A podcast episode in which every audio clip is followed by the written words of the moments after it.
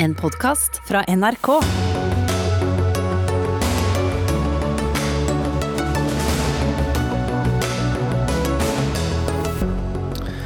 Tonen er god og ærlighet varer lengst. Det slo Støre og Vedum fast i dag. Men målet om regjeringssamarbeid er langt fra ferdigskåra, ifølge politisk redaktør. På sykehjem dør eldre av underernæring pga. manglende tilsyn, ifølge nye tall fra Helsedirektoratet. Nå svarer Høyre Pork på kritikken. Åpenhetsloven skal hindre barnearbeid og sikre anstendige arbeidsvilkår. Loven er altfor svak, hevder Framtiden i våre hender. Vegansamfunnet får ikke registrere seg som et livssynssamfunn og gå glipp av offentlige midler.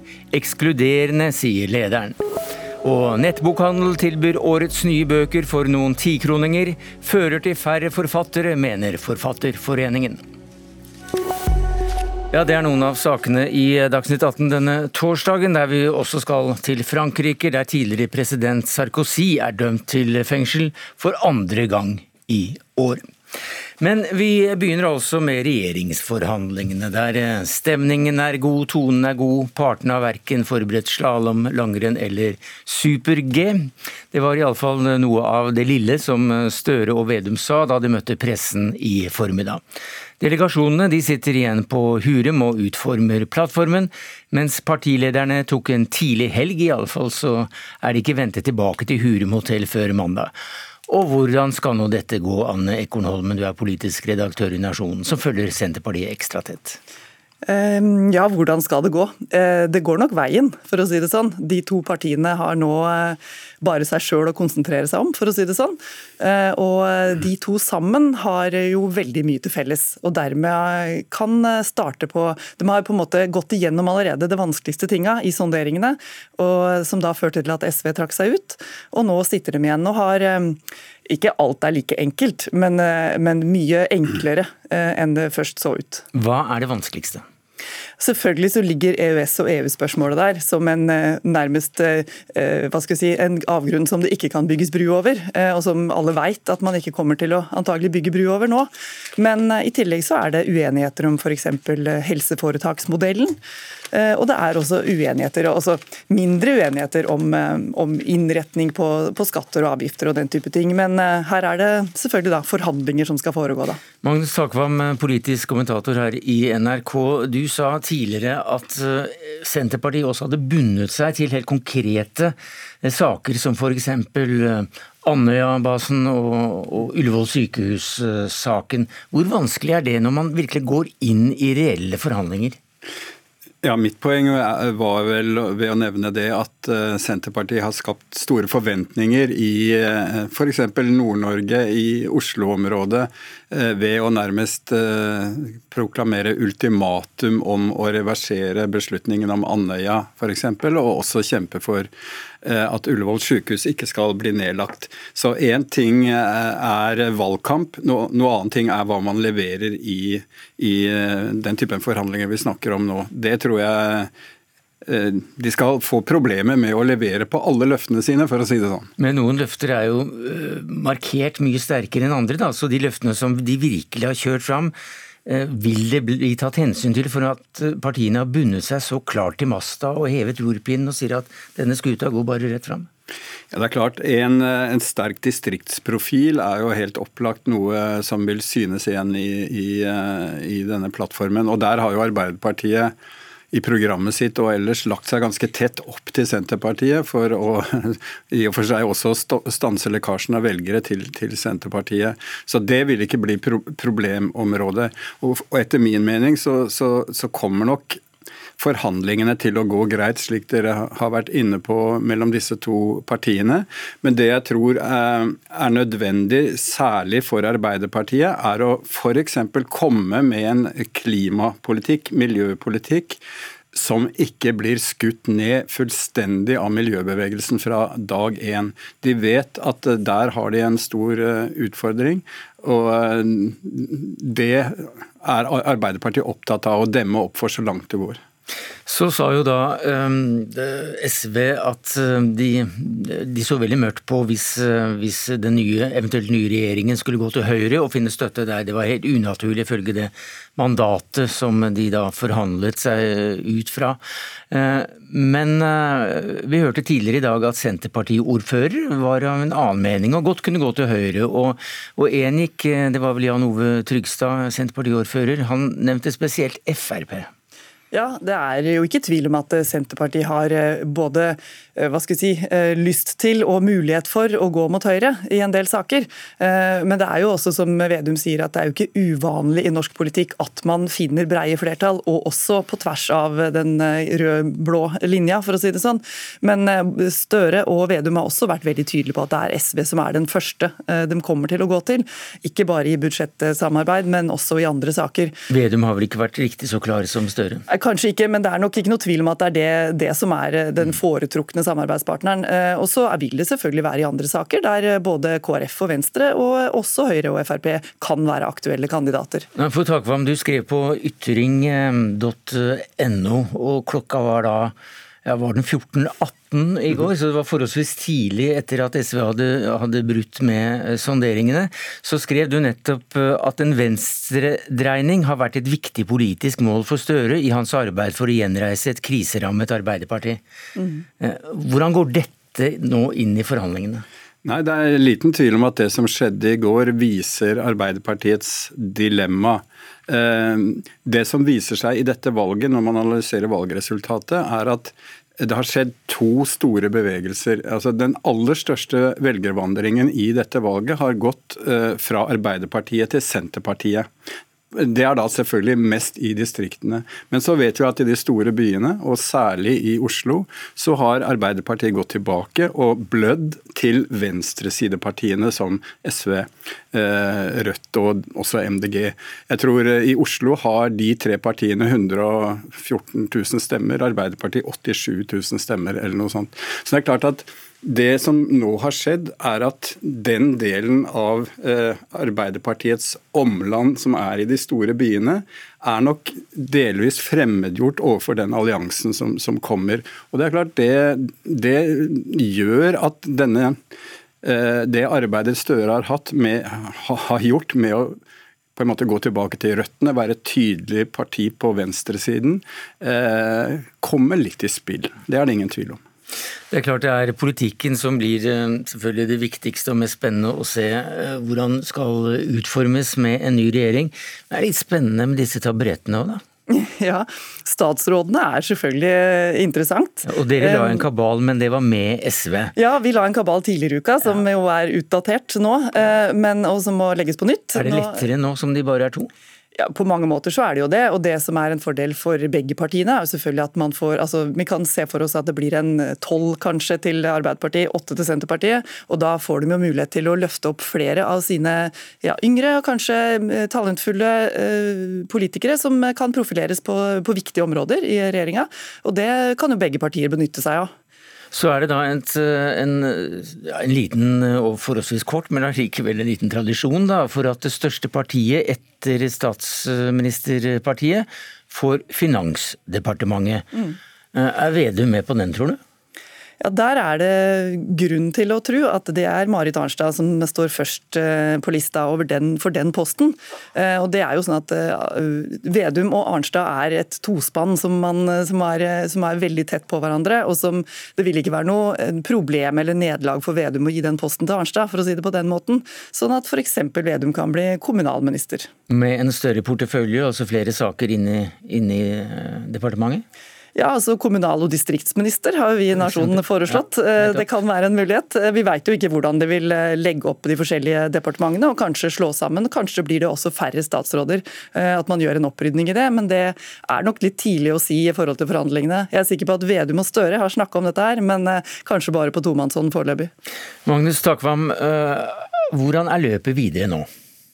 Nå øh, jobber jo de to partiene, akkurat i helgen jobber vel øh, fagrådgivere med å, snekre sammen utkast til plattform. Og så vil jeg tro at de blir ferdige i tide til Solberg-regjeringens, den utgående regjeringens budsjett 12.10. Ferdig med forhandlingene om plattformen innen da, og så, så, er jobben med å finne statsråder til kanskje den fredagen etter 15.10. Da da vil vi se noen eh, nye og kanskje også gamle ansikter på Slottsplassen. Takk skal du ha, Magnus Takvam, politisk kommentator i NRK, og til deg, Anne Ekornholmen, politisk redaktør i Nasjonen.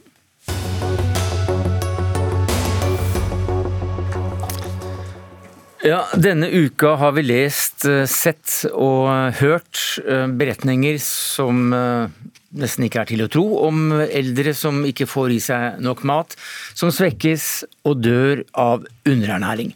Den høye risikoen for eh, underernæring på norske sykehjem ble først omtalt i Aftenposten, eh, der de kom med tall fra Helsedirektoratet som altså viser at nærmere halvparten av beboerne på sykehjem blir underernærte.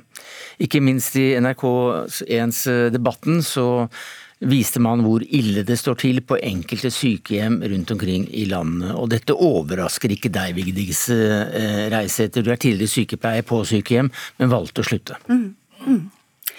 Ja, jeg valgte å slutte. Jeg eh, flykta fra yrket i en protest mot et system jeg ikke lenger kunne stå inne for. For når du daglig kommer til kort, eh, du, du klarer ikke å gi Eh, de eldre de måltidene de skal, de skal den næringa de skal, fordi du ikke har tid til å sitte ned sammen med dem. Eh, når du eh, ikke får fulgt folk på toalettet når de skal, fordi du står opptatt et annet sted, eller når du må løpe forbi den demente dama i gangen som egentlig bare trenger tida di og oppmerksomheten din, men du har ikke tid til å gi det, så du løper av gårde og kanskje og du kommer tilbake og du står fortsatt der og du ender opp med å gi en beroligende pille når du veit at det ikke er det beste alternativet. Da, eller at folk dør aleine på rommene sine fordi eh, sykehjemmet ikke tar seg råd til å leie en fastvakt. Da, det gjorde noe med meg. Jeg klarte ikke lenger å stå inne for, for det arbeidet jeg utførte, så da forlot jeg. Du skriver boka 'Jeg skal hjelpe deg', en eh, sykepleiers farvel til eldreomsorgen. Men la oss holde på akkurat denne matsituasjonen ja. som vi skal ta spesielt for oss eh, i dag. Eh, I, I, debatten på tirsdag så hørte vi deg si at dette, dette, med mat også var å svikte de eldre hver eneste dag. Mm. Ja, det syns jeg absolutt at det er. Og mm, når man ikke Altså, mye handler jo om, om sjølve maten at maten kan være, kan være dårlig. Jeg tenkte liksom noen ganger Jeg lurte på om de som, de som lagde maten, hadde de, mottakeren i tankene, og tenkte på at det kunne være vanskelig å tygge seigt kjøtt, eller at de har mista smaksløker, eller sånne ting. Det handler veldig mye om maten, men det handler også veldig mye om å ha tid til å gi dem et næringsrikt måltid. Og jeg tenker som så at du kunne hatt du kunne fått mat fra Moemo om du ville, men den ville på, hos veldig, veldig veldig mange fortsatt blitt liggende igjen på tallerkenen hvis ikke pleierne er der til å mate, til å gi en god og verdig mat, eh, måltidssituasjon. Um, sånn at det, det, handler like så mye om bemanninga. For når du er nødt til å løpe fra en som spiser, og så kommer du tilbake, så er maten kanskje størkna. Eh, da har de ikke så fryktelig lyst til å spise, de har også kanskje sovna. Og det gir ikke en rolig, verdig matsituasjon for noen hvis du sitter og mater én der og én der. Altså det Nei. Det er ikke ok. Sveinung Stensland, du sitter i helse- og omsorgskomiteen for Høyre, partiet som da har hatt eh, makten de siste åtte årene og helseministeren blant annet. Og I 2016 så risikerte altså 36% å dø av underernæring. I fjor hadde risikoen økt til 44% ifølge Helsedirektoratet. Hva sier du i dag? Hei, denne situasjonen her har jo vært, eh, det har jo vært en utfordring med ernæringsstatus hos eldre og ha gode måltidsopplevelser blant eldre. Og Det er jo en av grunnene til at regjeringen satte i gang et arbeid for ganske mange år siden med Leve hele livet og en strategi for bedre ernæring blant eldre, bl.a. Vi har eh, satt i gang en rekke støtteordninger for å hjelpe kommunene. Har det vært vellykket, syns du? Eh, tallenes tale er jo ganske tydelig på at mange steder så er dette ikke godt nok. Men samtidig så er det jo òg kommuner som lykkes bedre enn andre. Og det er jo en del av eh, utfordringen her at noen kommuner er bedre enn andre. Eh, og det er forskjell hvordan en satser på det her. Men, Men et, klart, ingen er situasjonen. Ingen, ingen er fornøyd med denne situasjonen her. Ingen kan si seg stolt over at det er sånn som det er. Men det betyr ikke at det ikke gjøres noe. Og det viktigste her er å ha et planmessig arbeid, at en har god kompetanse kompetanse, at en har gode rammer, at en har kunnskap, mm. og at en i tillegg har gode ordninger for å legge til rette for bedre kosthold. Men 1200, 1218, unnskyld at jeg avbryter deg, 1218 personer døde av underernæring ifølge Folkehelseinstituttet i fjor. Altså langt flere enn de som døde av korona i Norge. Ja, og det vet vi jo at det er en utfordring med kosthold hos eldre generelt, og spesielt blant demente. Innen demensomsorgen så har vi en lang vei å gå i Norge. og Vi ser at det er veldig forskjellig hvordan kommunene tar tak i det. Vi jobber bl.a. for å få flere kommuner til å ha lokale demensplaner og ha demenskoordinatorer, og øke kunnskapen om demens eh, i kommunehelsetjenesten. Og Der ser vi igjen at det er stor forskjell mellom hvordan kommunene tar tak i det. Og Dette er faktisk en del av kommunenes sitt ansvar. Eh, sykehjem og eldreomsorgen er et kommunalt ansvar. Og det vi ser at kommunene i forskjellig grad følger opp dette ansvaret som de har. Du, Bjørn, unnskyld at jeg avbryter deg igjen, men du sitter uh, utenfor studio her, og vi har med oss Bjørn Arild Gram, styreleder i KS, altså kommunesektorens egen organisasjon. Du hører uh, at de, om ikke det er en ansvarsfraskrivelse, er det i hvert fall et klart pek til kommunesektoren at nå får dere skjerpe dere. Det er rett det at det er et kommunalt ansvar. Vi har ansvar for viktige deler av helse- og omsorgstjenestene i Norge knytta til hjemmebasert omsorg og sykehjem f.eks. Eh, og så skjer det og Jeg må si det, jeg syns det er veldig trist og alvorlig å høre om det, det som fortelles. her. Det skal vi ta på stort alvor. Eh, det skjer mye bra arbeid i Kommune-Norge knytta til til bl.a. det her med, med, måltid og ernæring. Jo, men Vi, eh, men vi, vi hørte jo her ja, øyevitnet si at det er, for, det er, for, få hender. Vi klarer ikke å sette oss ned med personer. Og det å spise mat som tørker inn, det, det vil vel ingen?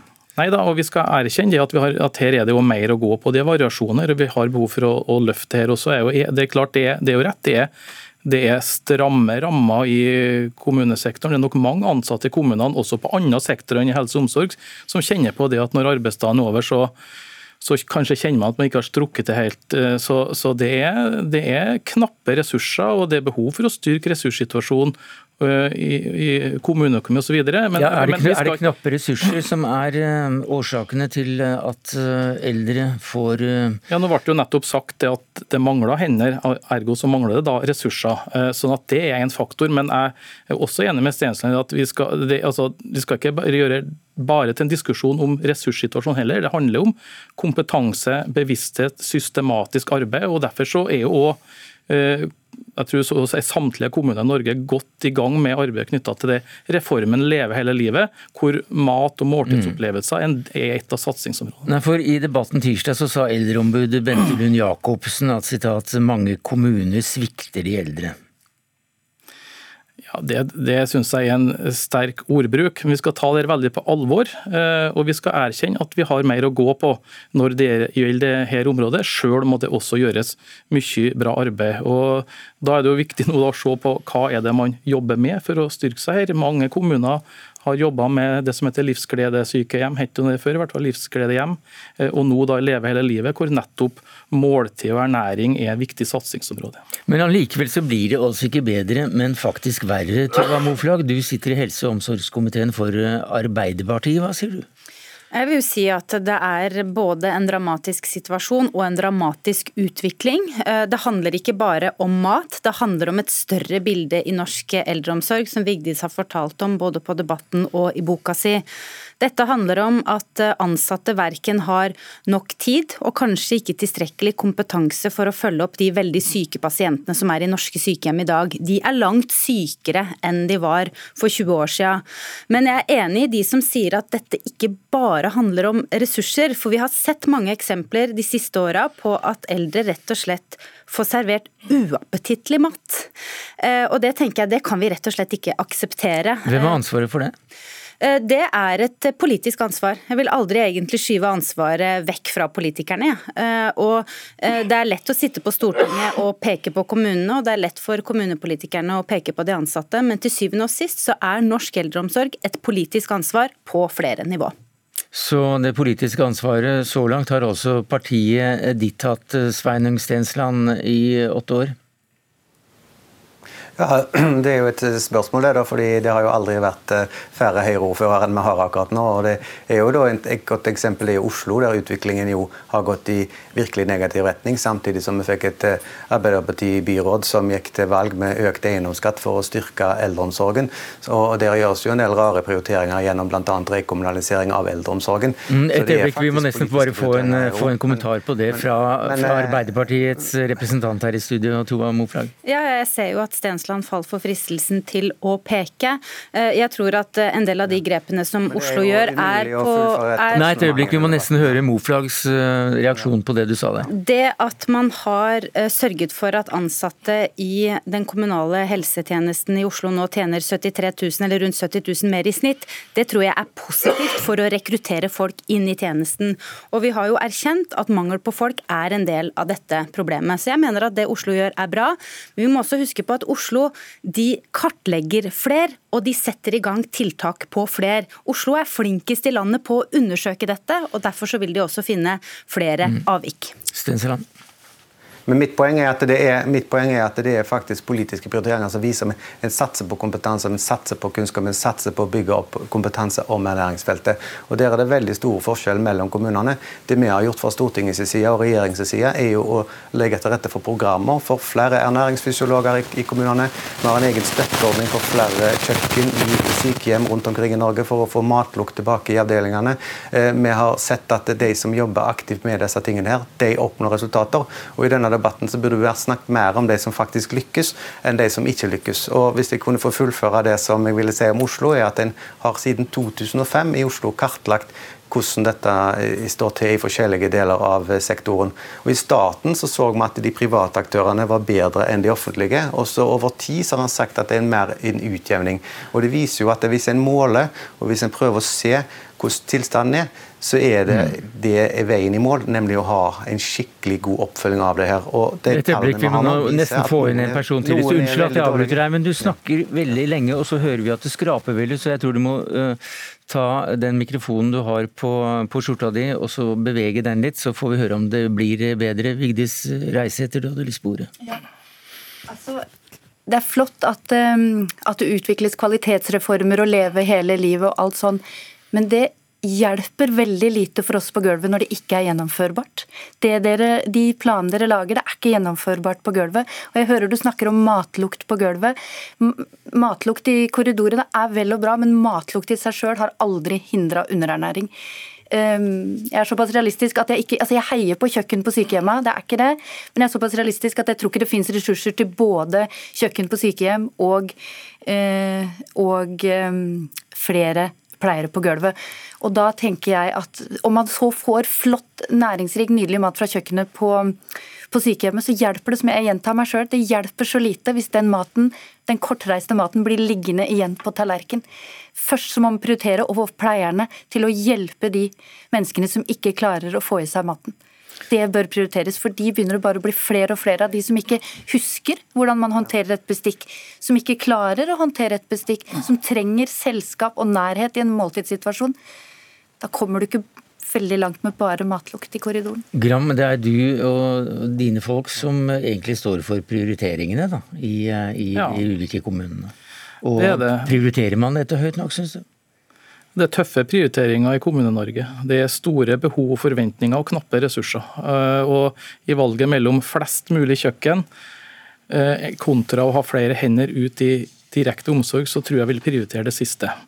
Eh, men så skal vi jo ta med oss det at eh, fordi at og det, det, kan eh, Ja, vi kjenner jo på behovet for at vi trenger å få tak i flere folk. Og vi sliter jo med rekruttering, om vi så hadde råd til å ansette dem. må jo sies det også. Men vi skal ta med oss det at vi møter et enormt økende behov i årene framover.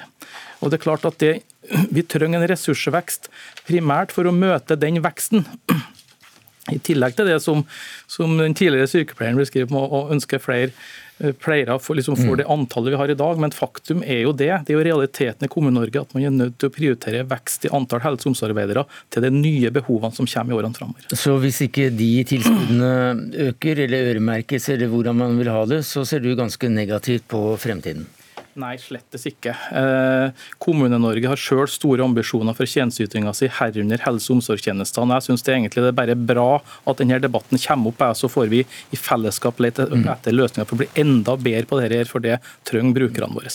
Og Den debatten tok vi ikke minst eh, takket være deg, Vigdis Reiseth, tidligere sykepleier og forfatter av boka 'Jeg skal hjelpe deg en sykepleiers farvel til eldreomsorgen'. Takk også til deg, Tuva Moflag, stortingsrepresentant for Arbeiderpartiet, Bjørn Arild Gram, styreleder i KS, og til deg i vårt studio i Haugesund, Sveinung Stensland, stortingsrepresentant og andre nestleder i helse- og omsorgskomiteen for Høyre.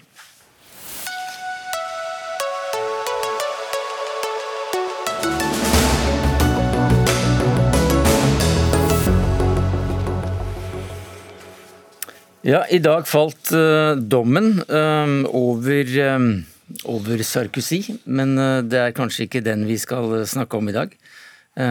for jeg må nesten ha litt på øret, en liten hjelp, hvilken sak vi skal ta. Ja, vi skal ha en åpenhetslov, og den er fra 1. juli neste år. Og, og det dreier seg om en om en Nå sitter jeg ja. Det er altså en lov, eh, moderne slaveri eh, og, menneskerettigheter eh, skal få et middel som staten Norge skal innføre, nemlig i lovs form, fra juli, 1. juli neste år. Og den loven skal da gå inn og kunne hindre at eh, barnearbeid og at folk eh, opererer under svært, svært vanskelige arbeidskår. Men den har åpenbare mangler, mener da Anne Bakken Riise Fremtiden i våre hender. Hva er manglene? Mm. Altså, jeg må si først at vi er veldig glad for at denne loven nå endelig kommer på plass. Og den kombinerer eh, det beste av to verdener. Eh, internasjonalt anerkjente retningslinjer for å ivareta menneskerettigheter. Eh, og norsk åpenhetstradisjon var i hvert fall en del av formålet for at lovprosessen ble satt i gang.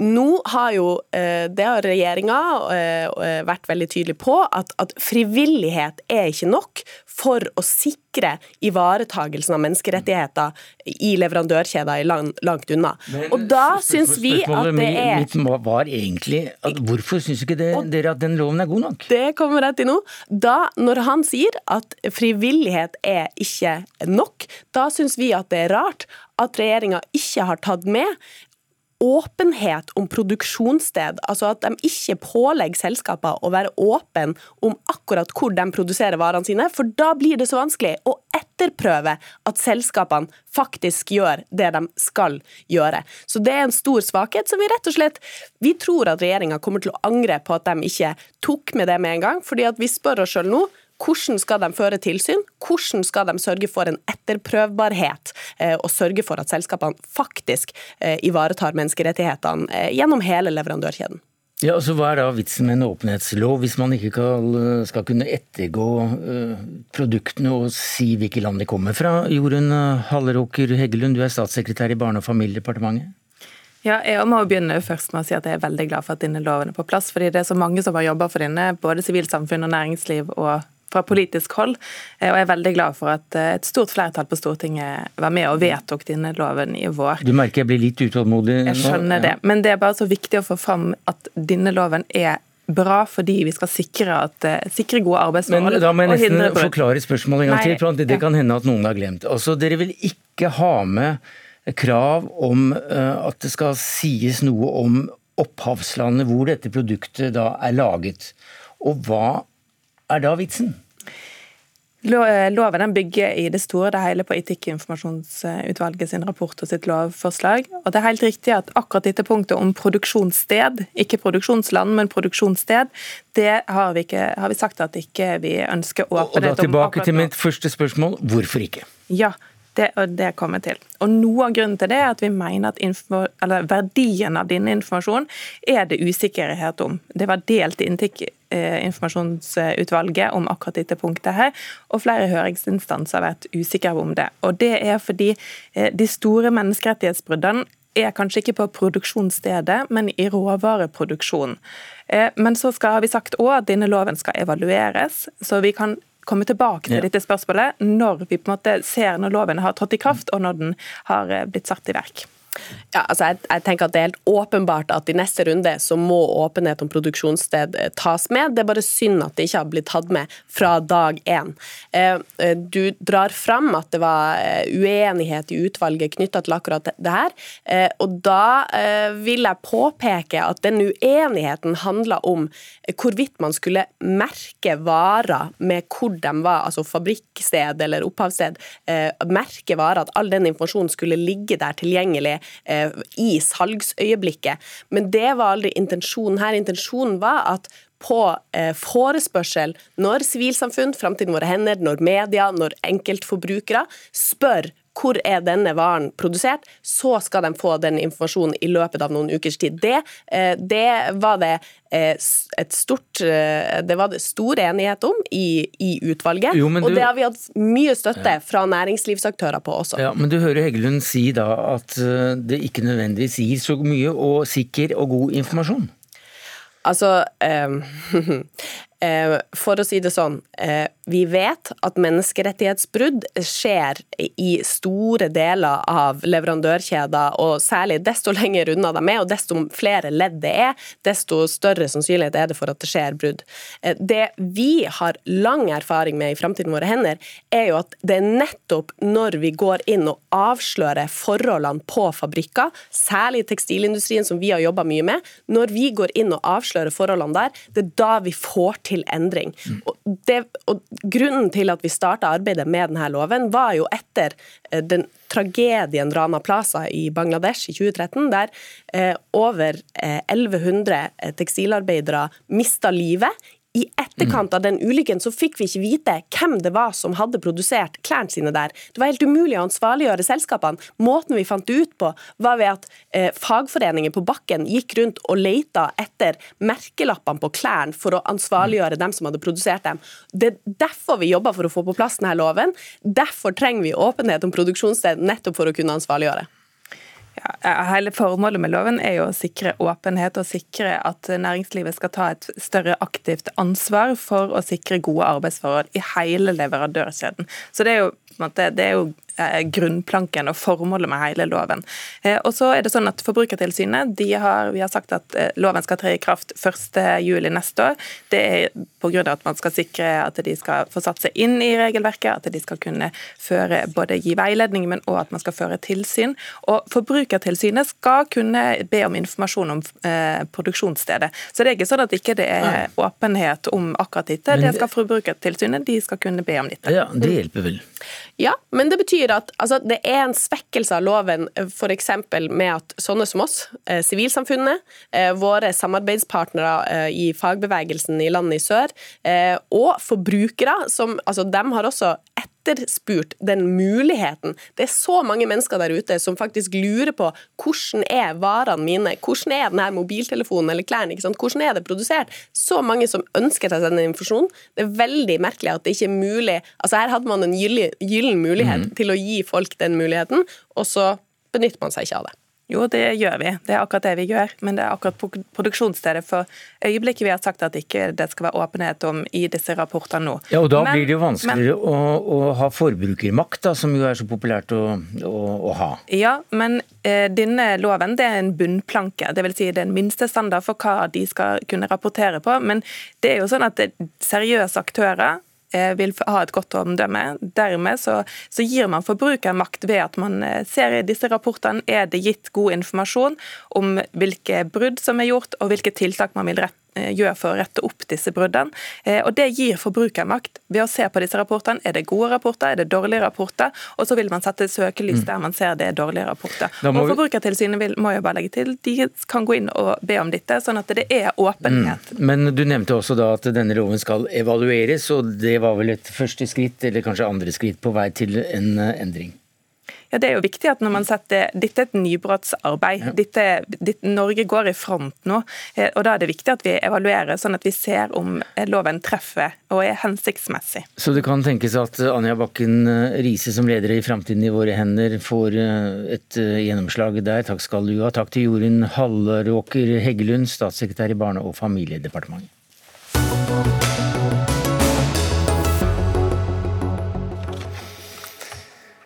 I dag falt altså dommen over Frankrikes tidligere president eh, Nicolas Sarkozy. Tidligere i år ble han eh, dømt til tre års fengsel for korrupsjon, og han har også en sak gående for å ha mottatt millioner av euro fra Libyas den gang Gaddafi. Hva er han dømt for i dag, Simen Ekern, du er europakorrespondent for NRK? Ja, nå dreier det seg om eh, ulovlig finansiering av valgkampen i 2012, eh, som han tapte, til tross for at han da eh, skal ha brukt 41,8 altså millioner euro, altså nesten dobbelt så mye som det som er tillatt i henhold til franske regler på den valgkampen den gangen han sto mot Francois Hollande. Han er ikke anklaget for å ha utført eh, selve handlingen, altså brukt eh, falske fakturaer for å skjule beløpene, men han skal eh, ha visst om og mer eller mindre stilltiende akseptert at medarbeiderne finansierte valgkampen på den måten, og altså undergravde demokratiets spilleregler ved å ha en mye dyrere valgkamp enn det han har lov til. Tidligere i år så fikk han tre års fengsel. Den er anket, akkurat den dommen. Hvordan går det med denne? Han har, eh, Nicolas Sarkozy har anket denne dommen også, så vi må nok vente til hvert fall til neste år, kanskje året etter eh, også, før eh, man får en, en endelig, et endelig svar på hvorvidt Sarkozy kommer til å måtte sone, muligens da med fotlenke hjemme i sitt eget hus. Så den blir utsatt, akkurat som, som rettssaken fra mars. Så dommen var også på, på ett år. Marte Mangset, du er forsker ved um, Oslo Met, og du oppholder deg for tiden i uh, Paris. Uh, hvordan blir dommen mottatt i Frankrike? Jeg, jeg syns det er interessant i seg selv at den ikke er hovedoppslaget eh, i nyhetene.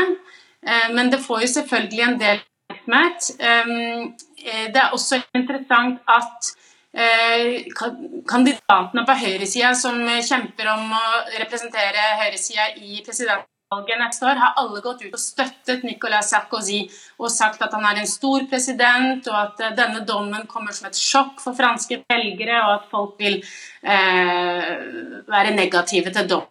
Så det er jo å uttrykke en mistro til eh, det eh, juridiske systemet i Frankrike, og det er jo ganske spesielt av Eh, de som stiller som presidentkandidater. Så det er liksom fortsatt en, en, sterk mistro til eh, det juridiske systemet i Frankrike, og en idé om at eh, det er liksom ikke på sin plass å anklage en tidligere president, uavhengig av hva han måtte ha gjort. Er det inntrykk du også sitter igjen med etter å ha snakket med folk, Simen Ekern, europakorrespondent for NRK, at Sarkozy Eh, dom her, dommen mot han, er, er litt utidig?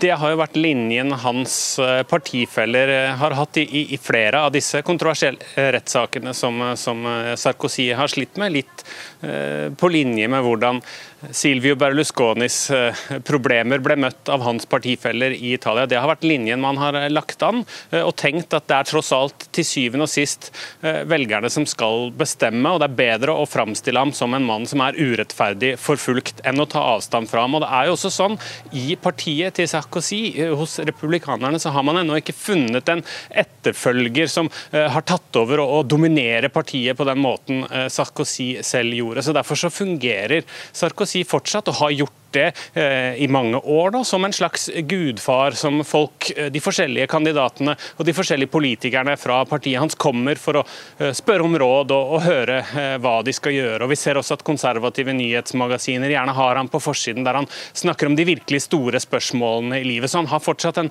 en sånn type rolle, og den kommer nok ikke nødvendigvis til å forsvinne med denne dommen, nettopp fordi tilhengerne kan si at den er urettferdig. Han skal altså ikke her ha beriket seg selv, men brukt dobbelt så mye penger som det, det er lov i en valgkamp, eh, på da eh, storslåtte folkesamlinger og, og luksus rundt omkring på, på, hoteller. På et av de folkemøtene var du i 2012, da denne saken altså ble alvor. Var det så storslått?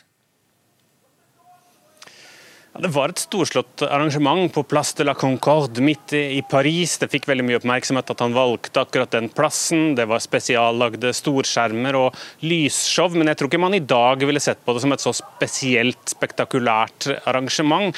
Eh, Carla Bruni var jo der, men de var jo på den tiden eh, allerede gift, så hun krevde sikkert ikke noe eh, stort honorar for det. Jeg tror det som satt igjen sterkest, var den voldsomme viljen Sarkozy hadde hadde den gangen til å bli gjenvalgt. Og, og Hvis dommeren i dag har rett, så, så, kan det vel tyde på at han kanskje hadde litt for lyst til å bli gjenvalgt den gangen. Marte Mangseth, eh, som eh, Frankrike kjenner, tror du at han faktisk eh, får en dom og må sone, eventuelt da med fotlenke? Ja, Det er jo ikke godt å si, men det er viktig at denne dommen gir uttrykk for at franske, det franske rettsapparatet har blitt mer selvstendig med årene, mer autonomt fra politikken. Selv om Forsvaret sier at dette er en politisk forfølgelse av Sarkozy, så gir eh, hele rettsapparatet uttrykket for at de forfølger politikere i større grad enn det de gjorde før. Det er jo første gang at en tidligere president faktisk er dømt til fengsel. Sånn at eh, De sier jo kommentatorene i franske aviser i dag at dette er et klart signal til politikere framover, ikke minst til eh, kandidatene til presidentvalget i mai, om at dette her er ikke så lett å bryte loven på den måten som Sarkozy har gjort, og at man skal passe litt på i presidentvalgkampen som kommer. Eh, så kanskje franske politikere ikke er like urørlige som de har vært i mange tiår. Takk skal du ha, Marte Mangseth, førsteamanuensis ved Senter for profesjonsstudier ved Oslo OsloMet, og til Simen Ekern, NRKs europakorrespondent. Så får vi se da hvordan det går når saken om Gaddafi-pengene kommer til å rulle og gå.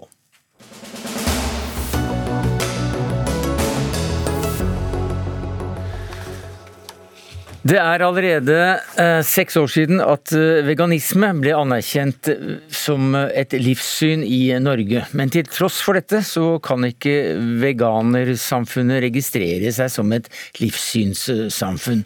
For dere mottar ikke støtte på lik linje med andre tros- og livssynssamfunn. Hva syns du om det, Steffen Trettevold Alton, du er leder for Norsk Vegansamfunn? Ja, det syns vi er vanskelig, og vanskelig å akseptere. Vi er jo ikke enig i avgjørelsen.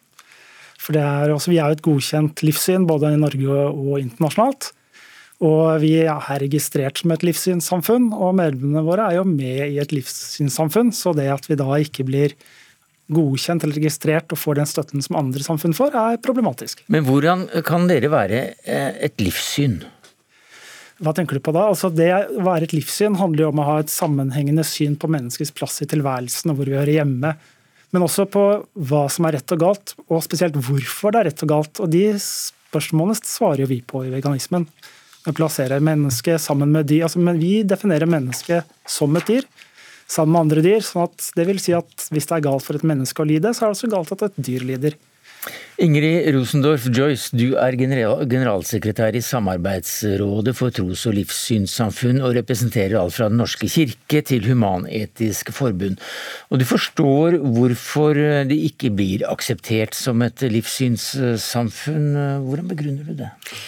Jeg har i hvert fall eh, sagt eh, for en stund siden at jeg stilte meg spørrende til om de kom til å, bli registrert. Eh, og, det handler jo egentlig ikke om nødvendigvis om livssynet, men det handler om det å bli registrert som et livssynssamfunn. Og det er selvfølgelig ikke, og det har jeg lyst til å understreke, at det er jo ikke opp til STL å verken definere eller bestemme som, hvem som er et livssyn, eller hva som er et livssyn eller en religion for den saks skyld. Vi driver ikke med det. Vi er ikke noe smakspoliti, og hvis du ser utenfra, så er det mange så det er mye rart hos oss eh, også. Eh, men, eh, men, men det, er nok, det er nok en viss bekymring for at terskelen for å registrere seg som et livssynssamfunn blir så lav at kategorien eh, tros- og livssynssamfunn nærmest opphører å ha en egen, eh, egen mening. Men, men, du sier jo selv at det er mye rart hos dere også, så hvorfor ikke godta noen som tror på veganismen? Nei, jeg tenker nok at, eh, at, det er noe som, eh, som, mangler. Nå hører jeg jo at du sier at dere har et felles syn på virkeligheten og, øh, og, og, dette, men så er det jo for å bli registrert som et livssynssamfunn, så skal man jo da falle innenfor den, for tros- og livssynsloven. og Det er jo der, det er det er jo der rosinen i pølsene, så å si. Og da skal man jo være et livssynssamfunn i lovens forstand, og den har jo en del klare, klare begrensninger. Ja, eh, den har det. Og det er det jo ikke alle som er enig i at det er riktig. En av Norges fremste eksperter på menneskerettighetene, professor Øystein Ensjø, Dag Øystein Ensjø, han sier jo det at eh, dette er en gal vurdering. Han viser til en dom i Den europeiske menneskerettighetsdomstolen som sier det at retten til religionsfrihet utelukker ethvert skjønn fra statens side til å bestemme hvorvidt en religiøs tro eller annen måte å uttrykke sin tro på er legitim. Sånn at det ligger jo, altså Terskelen i forhold til menneskerettighetene er jo fryktelig lav. Eh, men vi mener jo også at vi fyller alle de kravene som loven stiller, og at avslaget er basert på en misforståelse eller på ikke å ha lest det vi skriver. Yes. Ja, jeg tenker eh, Det er klart at eh, Tros- og livssynsfriheten er jo, er jo, der. Forsamlingsfriheten er der også. Det er jo ingen som nekter vegansamfunn eller andre eh, samfunn verken å kalle seg et livssynssamfunn eh, eller å møtes og, og, og ha aktiviteter. Men, men eh, det som, som, loven er opptatt av, er jo en del formalkrav. da. F.eks. at man skal være så og så mange, at man skal utøve en, et, livssyns, altså et livssyn. Og Den utelukker f.eks. filosofiske diskusjonsbetraktninger. Mm. Den, den, utelukker eh, menneskerettighetsorganisasjoner, humanitære organisasjoner osv. Man kan jo også si at eh, en del menneskerettighetsorganisasjoner vil også ha et felles verdigrunnlag som de agerer ut fra, men de faller utenfor lovens, lovens definisjon. Men, men, er det mer ritualer du etterlyser? Det, det er jo noe av den aktiviteten som, som livssynsloven legger opp til. Mm. At man skal ha felles samlinger. altså Du får ikke penger til å tro eller til å ha et livssyn. Du får penger til å utøve ditt, ditt livssyn eller din religion, og, og det innebærer f.eks. gudstjenester i de mer tradisjonelle eh, religiøse samlingene. Det, det, og det innebærer ulike samlinger og hvor ritualer er en viktig del av det. Dåp, konfirmasjon, eh, tilsvarende da, hos andre, mm. og begravelser og slike ting. Men for å f.eks. holde en vielse, da, som du nevner, så må man jo være registrert for å få lov til det. Altså, Vi kunne jo holdt en vielsesseremoni, men da, den vil da komme etter at brudeparet, eller de som skal gifte seg, da, har blitt viet hos eh, en borgerlig vielse. Og for oss, vi, vi sier ikke vitsen med det, fordi at hvis vi skal vie noen etter at de har blitt vigslet, da, så har de allerede blitt vigslet av en representant, altså en politisk person kanskje, som representerer et menneskesyn og et syn på, på meganisme da, som ikke deles av de som gifter seg. Så, så, Grunnen til at vi vil eh, ha tilby vielser, er jo fordi at det er viktig for våre medlemmer å bli viet i en vegansk seremoni. Mm. Eh, nettopp fordi at man kan risikere at det er en person som kanskje lokalt fronter eh, rovdyrjakt. Da, Men, men, men, har dere seremonier? Har ja, dere ritualer? Vi, eh, vi har seremonier. Vi har ikke ritualer enda. Vi snakker om vielse, som er noe vi har lyst til å begynne med når vi blir godkjent til å gjøre det. Men vi har noe vi kaller for vegantreff, som, eh, som har en seremonielt innhold. At vi deler et vegansk måltid. Har du en trosbekjennelse? Nei, men vi har en eh, livssynserklæring. Mm. Eh, vi tror jo ikke sånn som en religion tror. Altså, vi er et livssyn som er på en måte sekulært. da. Så vi forholder oss til vitenskap og hvordan vi forstår hvordan mennesker har blitt til. Men for å gå tilbake til dette vegantreffene våre, da, med det rituelle innholdet der, så har vi jo Vi deler et måltid, og jeg skjønner at det kan fremstå som at hvorfor skal ikke vi som liker koteletter, ha støtte? Men som veganere, da, så i hver sosial situasjon hvor det er mat involvert, så blir vi kritisert, vi blir konfrontert med livssynet vårt, og det blir en debatt. Så det er viktigheten av å kunne sitte sammen med andre og føle den tilhørigheten det er av å dele et måltid sammen, det, det, det, skal, det er ikke en triviell ting å gjøre. Det er en viktig symbolsk handling for oss. Jeg tenker Det er to ting jeg har lyst til å kommentere på. Det ene er jo dette med, eh, med vielse. Det er jo mange, mange eh, tros- og livssynssamfunn som ikke har egne vielser. Det betyr jo ikke at de ikke vier, eh, men det betyr at, at vielsen er en borgerlig handling. ikke sant? Det er en offentlig handling. Og da går man jo til en, til en offentlig, det er ikke en politisk person som sådan, en offentlig person. Og det kan jo, Om du er muslim, så kan det være en kristen person som står der, eller vice versa. Det har, det, da er han jo som representant for staten. Eh, og, så, og Det vil jo uansett også en vigsler fra et eh, tros- eller livssynssamfunn være, vil jo være en på vegne av staten for den borgerlige biten. I veldig mange land i, i, Europa så er det jo sånn at man går begge steder. Man går til staten, og så går man til tros- eller, livs, eller trossamfunnet sitt, da, primært. Eh, det er heller ingenting i veien for at man skal kunne gjøre det, det her, hvis man ønsker en sånn type vielse. Det trenger man ikke ha staten i ryggen for å gjøre. ikke sant? Nei, det er veldig mange som eh, sikkert er enig med deg i det, men altså de som er medlem i Norsk Vegansamfunn, syns ikke at det er det de ønsker. Så, så de er ikke gift, de som er hos dere? Jo, men de ønsker seg en vegansk vielsesseremoni. Ja, og Det kan de jo få. Det er jo fritt til hvem ja, som helst. Grunnlaget du ga, det er jo basert på, på et verdisyn da, og et livssyn. Og De som er medlemmer hos oss, de syns at verdien i vegansk vielse er at de nettopp blir viet vegansk og ikke sekulært i tillegg. Da. Men Har dere skrevet ut hvordan en slik eh, vegansk vielse kan være? Nei, denne jobben har vi jo ikke begynt før det er aktuelt å gjøre den. Vi, har, vi er ganske nystartet, vi har nok å drive med med utvikling av samfunnet vårt. det er statsforvalteren i Agder som da avslo søknaden deres, og han var da selvfølgelig invitert til oss her i dag, men eh, takket nei. Mm. Men han eh, anbefaler derimot da Norsk Vegansamfunn klage til departementet dersom de er, dere er misfornøyd med vedtaket, og den klagen kommer kanskje? Den er, eh, den er på vei, og den er lang, og det blir, det blir ikke en trivelig jobb for saksbehandler handler. Takk skal du ha, Steffen Tretvold Altan og Ingrid Rosendorf Joyce.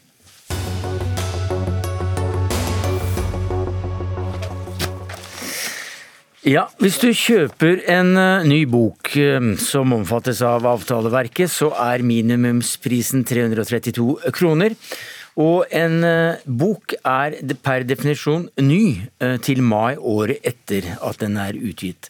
Men får du kjøpt disse bøkene for eh, billigere penger, ja, så gjør du kanskje det. F.eks. gjennom en nettbokhandel så får du den for bare noen tiere. For de bøkene som selges da er nye, men brukte.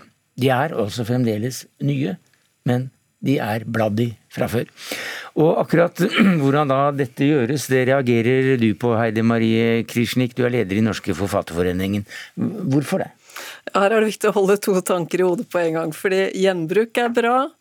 At uh, Bookis, det har vi skrytt av mange ganger, har rigga en tjeneste som gjør det mulig uh, å gi en forfatterbetaling.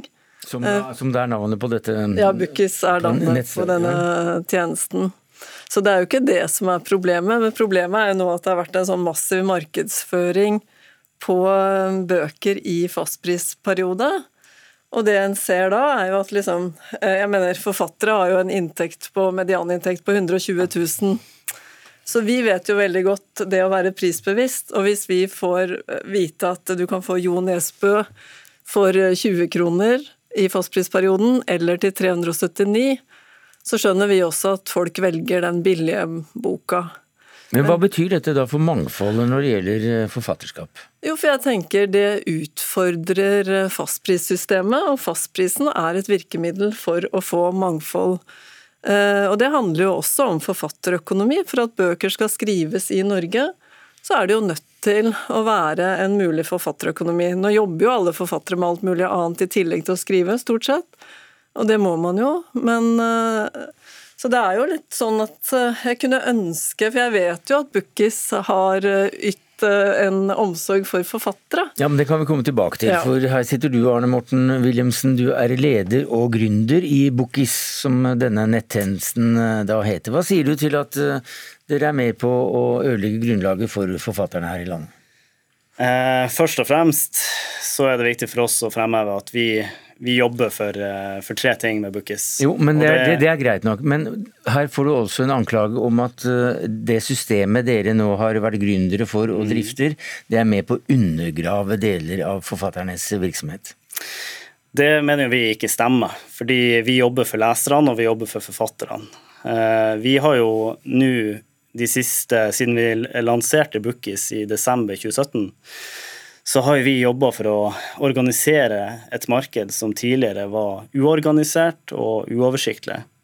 Når man kjøpte brukte bøker før, så kjøpte man det gjerne på loppemarkeder, eh, i bruktbokhandlere, eh, ja, alle andre steder hvor det ikke var organisert. Men vi snakker jo da, da om akkurat de bøkene som fremdeles kalles nye i, eh, i, avtaleverket, og som ikke skal gå under en minstepris, men som selges Stemmer. under minstepris hos dere. Det stemmer, men de bøkene har også blitt solgt tidligere. Og mitt poeng er at Bookies, vi har, eh, vi har laga en tjeneste nå som, eh, som, gjør at forfattere får en helt ny inntektskilde. Før så tjente ikke forfattere noe som helst på brukte bøker. De, den den eh, omsetninga ble, ble, ikke tilgjengelig for forfatterne. Vi med Bookies har laga en tjeneste nå som gjør at forfattere kan begynne å tjene penger på brukte bøker helt fra første bok selges. Og ikke bare kan forfattere tjene på førstesalget, men ei bok kan omsettes flere ganger, og en forfatter kan tjene på bøker inn i evigheten. Ja, Hvordan gjør dere det? Hvordan gjør vi hva?